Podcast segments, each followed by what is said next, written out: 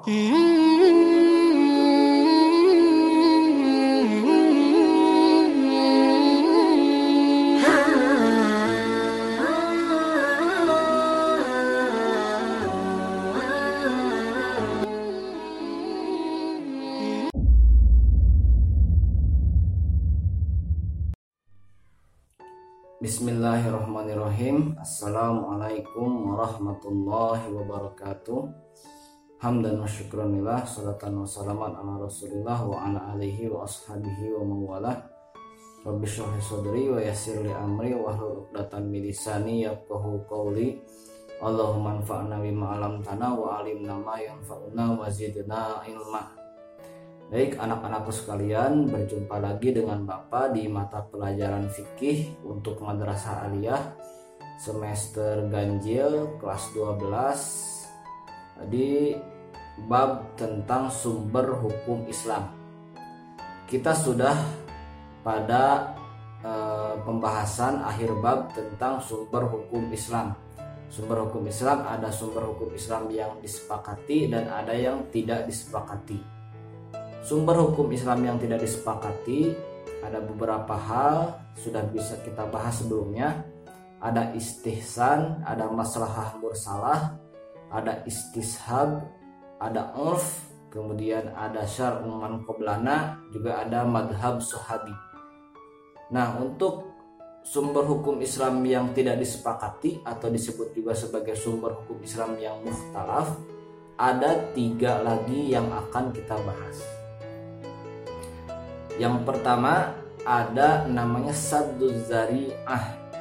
Ya, sadu zariah ini perlu sekali kalian pelajari karena banyak hal yang mungkin akan dihasilkan melalui sumber hukum ini. Ya. Jadi sadu zariah itu adalah konsep preventif agama Islam agar manusia tidak terjerumus terhadap perilaku yang diharamkan oleh Allah Subhanahu wa taala. Ada juga nanti amal ahli Madinah. Amal ahli Madinah ini adalah suatu kaidah yang khas dari Imam Malik ya. Dan yang terakhir ada dilalatul iktiron. Ya, dilalatul iktiron pembahasan ketiganya akan segera kita bahas pada video pembelajaran kita kali ini. Mari kita simak sama-sama. Baik, pembahasan kita kali ini melanjutkan pembahasan tentang sumber hukum yang tidak disepakati. Bapak harap kalian masih bisa menjelaskan satu persatu sumber-sumber hukum yang tidak disepakati yang telah kita pelajari. Selanjutnya kita akan belajar tentang sadud zari'ah, amal ahli Madinah, dan e, dalalatul iqtiron atau disebut juga dilalatul iqtiron.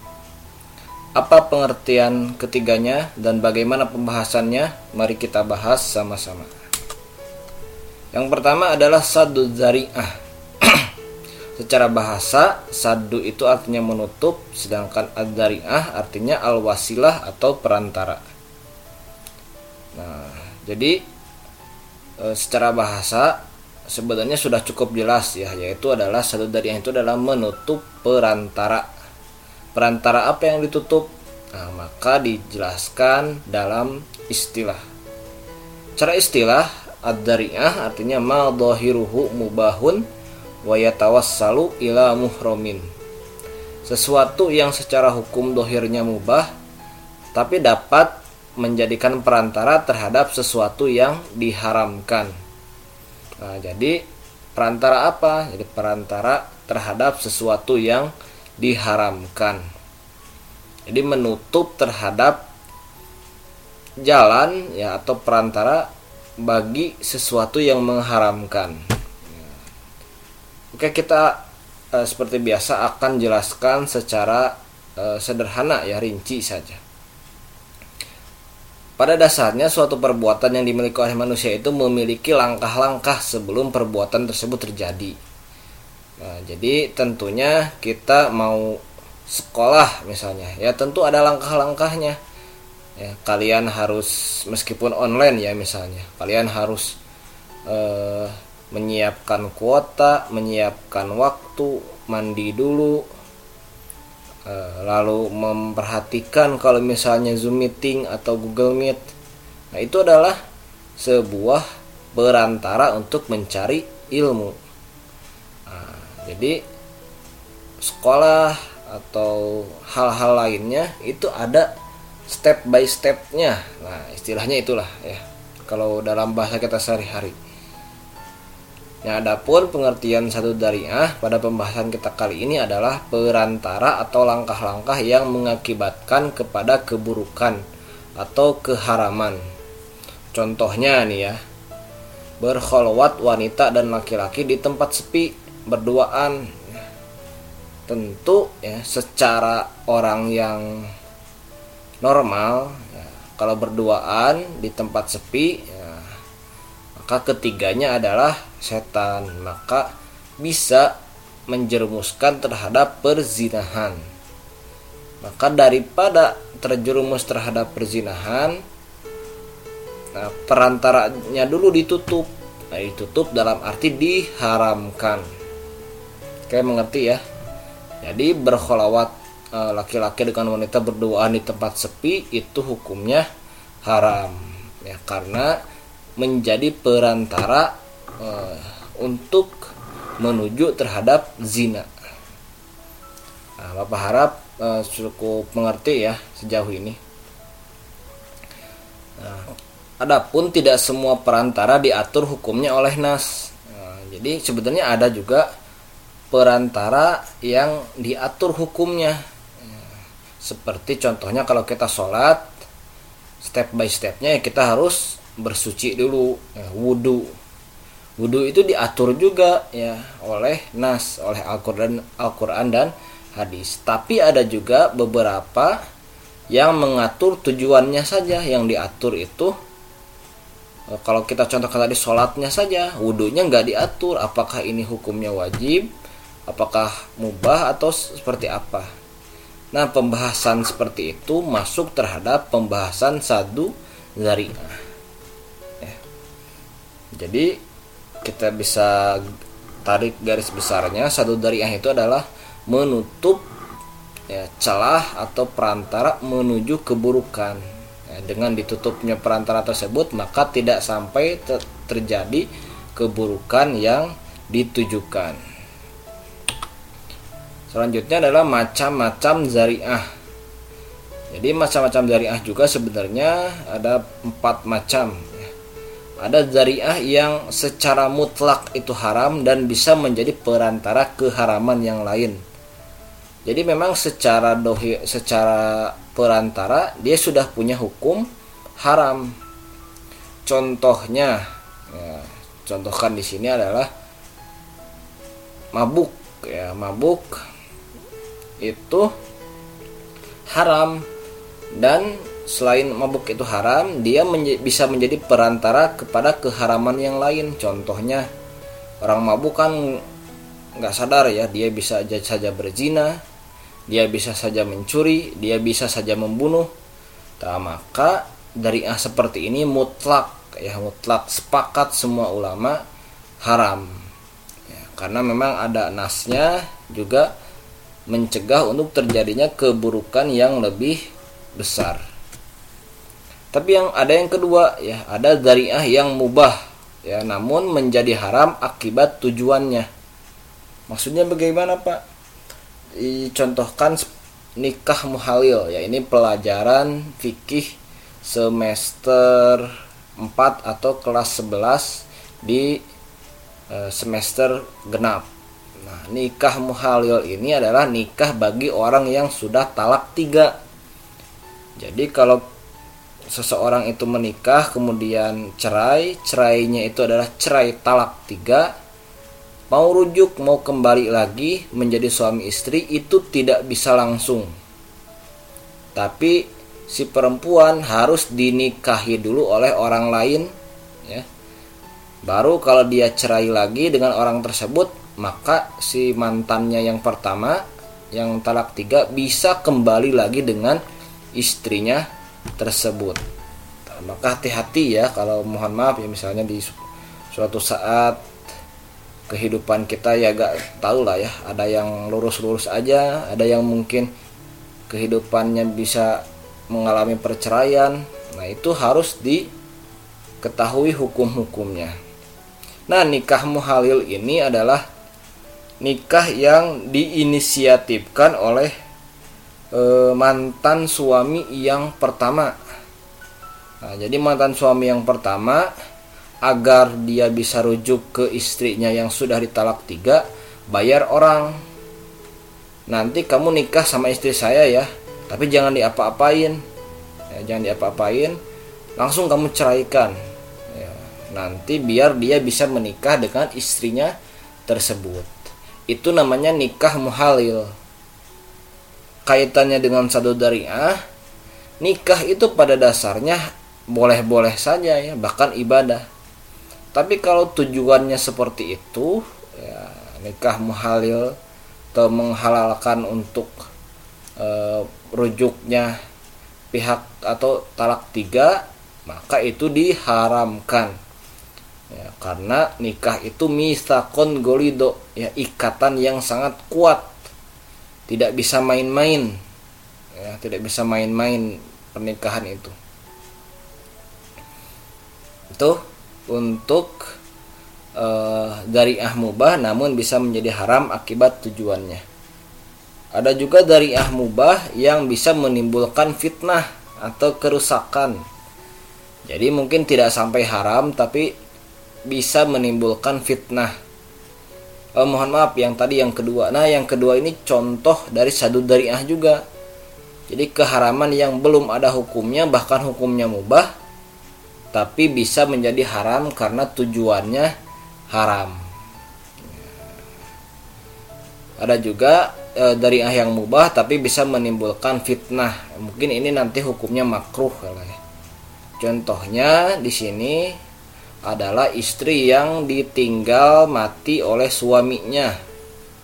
Ditinggal mati oleh suaminya pada masa berkabung, dia justru dandannya menor ya menarik perhatian orang lain padahal dia terikat masa idah masa idah bagi orang yang ditinggal cerai mati ya namanya cerai mati ya ditinggal meninggal ditinggal meninggal itu adalah cerai meninggal itu adalah 4 bulan 10 hari sekitar 130 harian Nah, maka selama 130 harian tersebut si istri tidak boleh menikah dengan orang lain. Itu namanya masa iddah. Ya, masa iddah. Nah, selama masa iddah ini pun sebenarnya agar tidak menarik perhatian laki-laki lain e, dilarang untuk bukan dilarang ya makruh lah makruh untuk e, berias. Karena apa? Takutnya ya si cowoknya nanti tertarik ya baru dua bulan baru tertarik misalnya dia pengen cepet-cepet nikah akhirnya nikah pada masa idah.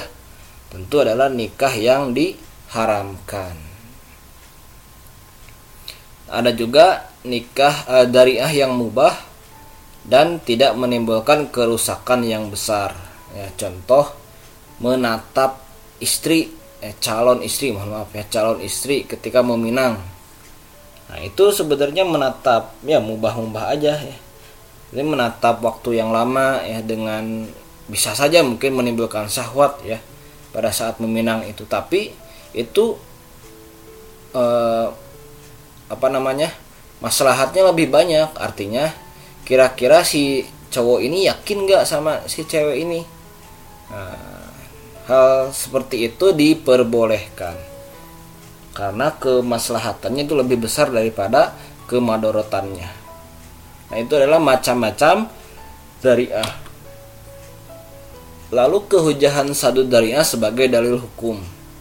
Karena pembahasan kita adalah hukum yang mukhtalaf, artinya bersepakat eh tidak bersepakat untuk menjadi dalil hukum, maka ada yang pro dan ada yang kontra. Yang sepakat sebagai dalil hukum ada di dua madhab yaitu adalah madhab maliki dan madhab hambali pendapatnya atau argumentasinya karena kadang Allah subhanahu wa ta'ala pun membuat hukum itu untuk e, seolah-olah e, mengharamkan melalui perantaranya. Contohnya gini, contohnya di Quran surat Al-An'am e, 6 ayat 108 ya. Jadi intinya di ayat tersebut adalah dilarang untuk mencaci maki agama lain. Karena apa? Dengan mencaci maki agama lain nanti agama lain juga akan mencaci maki Allah Subhanahu wa taala. Ya, tentu ini tidak mau ya. Tidak mau ini sampai terjadi. Ya, maka Allah mengharamkan mencaci maki Tuhan atau mencaci maki hal-hal yang suci di agama lain ya. Atau dalam Al-Qur'an juga ya disebutkan jangan wanita itu jangan menghentak-hentakan kakinya eh, sampai orang itu paham oh ternyata dia punya persih perhiasan ya, dan terangsang oleh perhiasannya tersebut nah, itu perantara akannya perantara e, agar tertarik mungkin menzinahinya ya itu walahu alam ya artinya e, di dua ayat ini merupakan indikasi bahwa Allah Subhanahu wa taala pun e, mengharamkan perantara dari sesuatu. Nah, maka menurut kedua madhab ini satu darinya bisa dipandang sebagai dalil hukum. Pacaran, ya, pacaran gimana pak? Ya pacaran itu bisa dekat dengan zina. Ya, maka cukup ta'aruf saja ya. Kalian bertemu baik-baik ya bahwa orang tua Nah, interaksi secukupnya saja, tidak berlebihan dan berniat sungguh-sungguh sampai ke jenjang pernikahan, nah itu tentu tidak dilarang. Tapi kalau pacaran biasa, anak SMA, anak SMP ya tentu itu bisa masuk ke satu zariah, yaitu adalah e, perantara untuk hal-hal yang haram. Menolak sebagai dalil hukum. Nah, ada juga madhab yang menolak sebagai dalil hukum, tapi menolaknya itu sebenarnya eh, bukan berarti tidak mengharamkan. Contohnya tidak mengharamkan pacaran misalnya ya, karena menjadi perantara Cina enggak. Jadi menolaknya itu karena eh, haram itu eh, haramnya pacaran misalnya itu karena haram secara zat bukan sebagai perantara Nah, itu adalah yang dikemukakan oleh madhab Syafi'i dan madhab Hanafi. Jadi e, mereka lebih menekankan bahwa keharamannya itu bisa disebabkan oleh zatnya juga. Ya, bisa melalui kias atau melalui istihsan mungkin ya. Oke, itu adalah sadu dariah. Intinya sadu dariah itu adalah preventif ya tindakan preventif agar tidak terjadi sebuah perlakuan yang diharamkan oleh Allah Subhanahu wa taala. Ada juga kaidah-kaidah yang berkaitan dengan satu dariah. Di antaranya adalah lil wasaili hukmun kal maqasidi. Bagi wasilah atau perantara itu hukumnya adalah sebagaimana hukum yang berlaku pada apa yang dituju. Nah, jadi eh, hukum wasilah ya hukum perantara itu sama dengan hukum yang dituju seperti tadi bapak bilang karena berzina itu haram maka perantara menuju zinanya pun haram atau darul mafasid muqaddamun ala jalbil wasolih yang artinya adalah menolak kerusakan itu diutamakan daripada mengambil kemaslahatan nah, jadi uh, banyak para ulama yang konsen terhadap larangan atau terhadap pencegahan terhadap kerusakan yang akan terjadi. Ada juga dak mayuribuk ila la yuribuk ya, atau misalnya hadis tentang sesuatu yang syubhat. Jadi digambarkan bahwa ketika Allah itu mengharamkan suatu ladang misalnya untuk digembalakan, maka kita jangan main-main di sekitar ladangnya. Nah, karena apa? bisa jadi kita akhirnya pengen masuk ke ladang tersebut untuk menggembala di sana padahal sudah dilarang oleh Allah Subhanahu wa taala. Ini kaitan-kaitan kaidah yang bertaut dengan sadud zariah. Selanjutnya adalah amal ahli Madinah. Ya. Amal ahli Madinah itu secara bahasa artinya praktik hukum ya praktik sebenarnya yang ininya ya, yang disepakati oleh penduduk Madinah. Jadi apa yang dilakukan oleh penduduk Madinah itu adalah amal ahli Madinah. Secara istilah, amal ahli Madinah itu adalah amalan dan tradisi yang telah didukung dan dilakukan oleh penduduk Madinah utamanya adalah ijma para sahabat dan tabi'in di ahli Madinah atau di penduduk Madinah. Kenapa Madinah? Ya karena Madinah merupakan kota hijrah Nabi dan sebagian besar Al-Quran diturunkan serta tempat berbagai penetapan kehalalan dan keharaman sesuatu. Penduduk Madinah menyaksikan wahyu turun dan menaati segala apa yang diperintahkan oleh Nabi. Pandangan amal ahli Madinah itu merupakan pandangan khas dari Imam Malik yang juga dituangkannya dalam kitab Al-Muwatta. Jadi memang ama, e, secara konsepnya ya amal ahli Madinah itu seperti ini. Karena Nabi itu banyak menurunkan syariat di Madinah ya meskipun di Mekah juga ya 13 tahun ya. Tapi di Mekah itu kan lebih concern kehadap e, akidah ya untuk masalah fikih, masalah muamalah itu lebih banyak di Madinah. Nah, karena orang-orang Madinah itu tahu bagaimana Rasulullah e, istilahnya bermuamalah ya berinteraksi, maka tentu orang-orang Madinah ini punya keutamaan. Jadi kalau mau lihat apakah suatu amalan itu benar atau enggak maka lihat aja orang Madinah. Orang Madinah ngerjain atau enggak? Ya karena orang Madinah itu tahu ya setahu taunya bagaimana Rasulullah melakukan.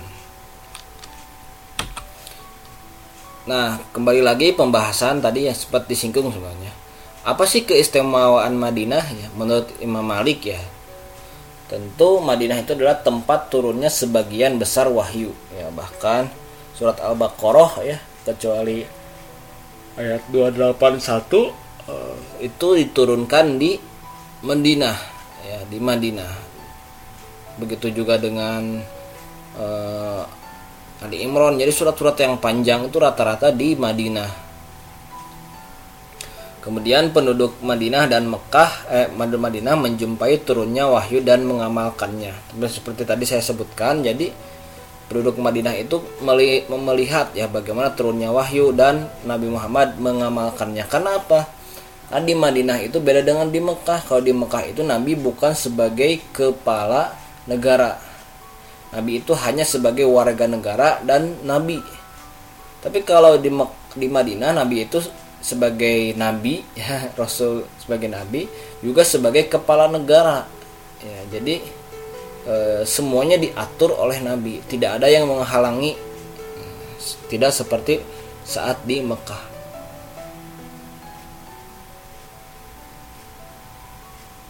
Nah, amal ahli Madinah juga memiliki banyak sahabat dan tabi'in. Jadi kebanyakan memang para sahabat dan tabi'in itu berdiam dirinya itu di Madinah. Nah, kemudian ahli Madinah itu meneruskan tradisi dari Nabi. Jadi pertemuan Nabi SAW mewariskan fikih dan sunnah, keistimewaan warisan dan amalnya tidak dimiliki oleh penduduk kota lain. Artinya yang meneruskan tradisi Nabi itu tentu ya orang Madinah karena Nabi sebagian hidupnya besar hidupnya di Madinah ya ketika menjadi Nabi dan meninggal juga di Madinah. Nah maka orang-orang Madinah tentu tidak serta merta meninggalkan apa yang dilakukan oleh Rasulullah maka menurut Imam Malik sangat masuk akal dan Imam Malik pun adalah ulama yang tidak pernah keluar dari Madinah dan Mekah ya Hijaz ya. Jadi Imam Malik ini merupakan uh, imam madhab yang tidak pernah keluar dari Mekah dan Madinah. Nah, lalu bagaimana dong eh, apakah bisa menjadi hujah atau tidak? Ya maka ada dua pendapat. Yang tentu sebagai dalil hukum itu dikemukakan oleh Imam Malik. Yang pada intinya Imam Malik. berpendapat bahwa ketika suatu perbuatan itu dilakukan oleh orang Madinah itu bisa menjadi sumber hukum. Karena apa tadi? Ya, tradisi orang Madinah itu yang meneruskan tradisi Rasulullah utamanya generasi tabiin ya. Oh, maksudnya generasi sahabat sampai tabiin. Kalau generasi sekarang mungkin ya beda lah ya. Nah, maka pernah bahkan pernah Imam Malik itu menegur Imam Alais. Imam Alais itu gurunya Imam Syafi'i yang ada di Mesir. Bahwa banyak fatwa dan apa yang dilakukan Imam Alais itu beda sama orang Madinah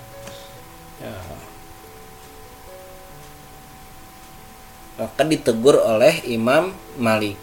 Eh Imam Malik ya. Kemudian tentunya eh, ada juga yang berpendapat bahwa bukan sebagai dalil hukum. Ya pandangan ini tentu dilaku, disebutkan oleh beberapa imam selain Imam Malik. Karena tentunya sumber dalil hukum itu bukan sosiologis masyarakatnya. Ya tapi sumber hukumnya yaitu adalah nas Al-Qur'an dan hadis. Boleh jadi ya apa yang dilakukan oleh orang Madinah ini memang tradisinya mereka bukan tradisi Nabi.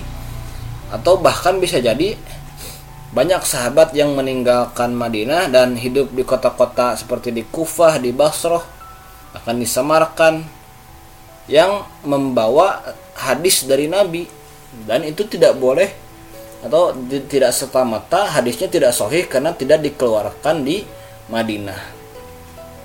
Nah, itu adalah amal ahli Madinah. Intinya amal ahli Madinah itu ketika suatu perbuatan itu dilakukan oleh orang Madinah, oleh penduduk Madinah, maka itu bisa dikatakan bersumber dari Nabi atau misalnya kita pengen cari apa sih yang benar yang dilakukan oleh Nabi maka lihatlah bagaimana cara penduduk Madinah berinteraksi. Selanjutnya yang terakhir adalah dilalatul iktiron. Ya dilalah itu secara bahasa artinya petunjuk iktiron itu artinya bersama-sama. Dilalatul iktiron artinya suatu petunjuk suatu, suatu petunjuk karena ada suatu perkara yang disebutkan bersama-sama dengan perkara yang lain. Maka keduanya keduanya lebih atau lebih yang bersama-sama itu diberi hukum yang sama pula contohnya Quran Al-Baqarah ayat 196 ya. Wa atimul hajja wal umrata lillah. Dan sempurnakanlah ibadah haji dan umroh karena Allah. Nah di sini ada atof wau ya. Jadi umroh ini bisa jadi wajib ya kalau di sini. Kalau memakai dilalatul iktiron. Karena di sini wawunya wawu atap. Wawu atap itu artinya hukum atau keadaan keduanya sama ya dan ya dan wawu wawu atap dan. Dan sempurnakanlah ibadah haji dan umroh karena Allah. Kemudian kehujahan dilalatul iktiron ya, para ulama berbeda pendapat tentang kedudukan dan kehujahan dilalatul iktiron Jumhur ulama menyatakan bahwa dilatul ikron tidak dapat dijadikan sebagai hujah. Alasannya bersama-sama dalam suatu perkara belum tentu dan tidak harus bersama-sama pula dalam ketetapan hukum. Tapi banyak dari para imam madhab itu justru menyebutkan bahwa dilatul ikron dapat dijadikan sebagai sumber hukum karena atop itu menunjukkan musyarakah atau bersama-sama. Mungkin lebih banyak di latul iktiran ini akan kita singgung di kaidah lugawiyah, kaidah kebahasaan. Ya. Tapi intinya secara umum bisa disimpulkan bahwa di latul iktiran itu di lalatul iktiran itu adalah ketika dua hal itu disambungkan dengan wau atap ya wau ataf seperti wa atimul hajja wal umrata maka eh, kedua hukumnya itu harusnya sama ya haji dan umroh itu harusnya sama. Tapi tentu di dalam kasus ini jumhur ulama menyatakan bahwa umroh itu sunnah ya beda dengan haji yang wajib bagi yang mampu nah itu saja penjelasan dari ketiga sumber yang disepakati ya ada tadi pertama adalah ada sadud jariah yang artinya adalah mencegah atau tindakan preventif agar tidak terjadi keburukan yang lain. Ya. Maka perantaranya yang harus dicegah. Kemudian ada juga amal ahli Madinah yaitu adalah uh, kebiasaan atau interaksi di antara penduduk Madinah dan ada juga dilalatul iktiron artinya kesamaan atau bersamanya sebuah dalil sehingga seharusnya hukumnya adalah sama. Nah, itu saja yang bisa Bapak sampaikan. Ini adalah penjelasan terakhir di seri tentang sumber hukum Islam yang tidak disepakati. Mudah-mudahan ilmu yang sudah kita bahas sejauh ini bisa bermanfaat baik bagi Bapak atau juga baik bagi kalian semua. Terima kasih. Fisabilil haq. Wassalamualaikum warahmatullahi wabarakatuh.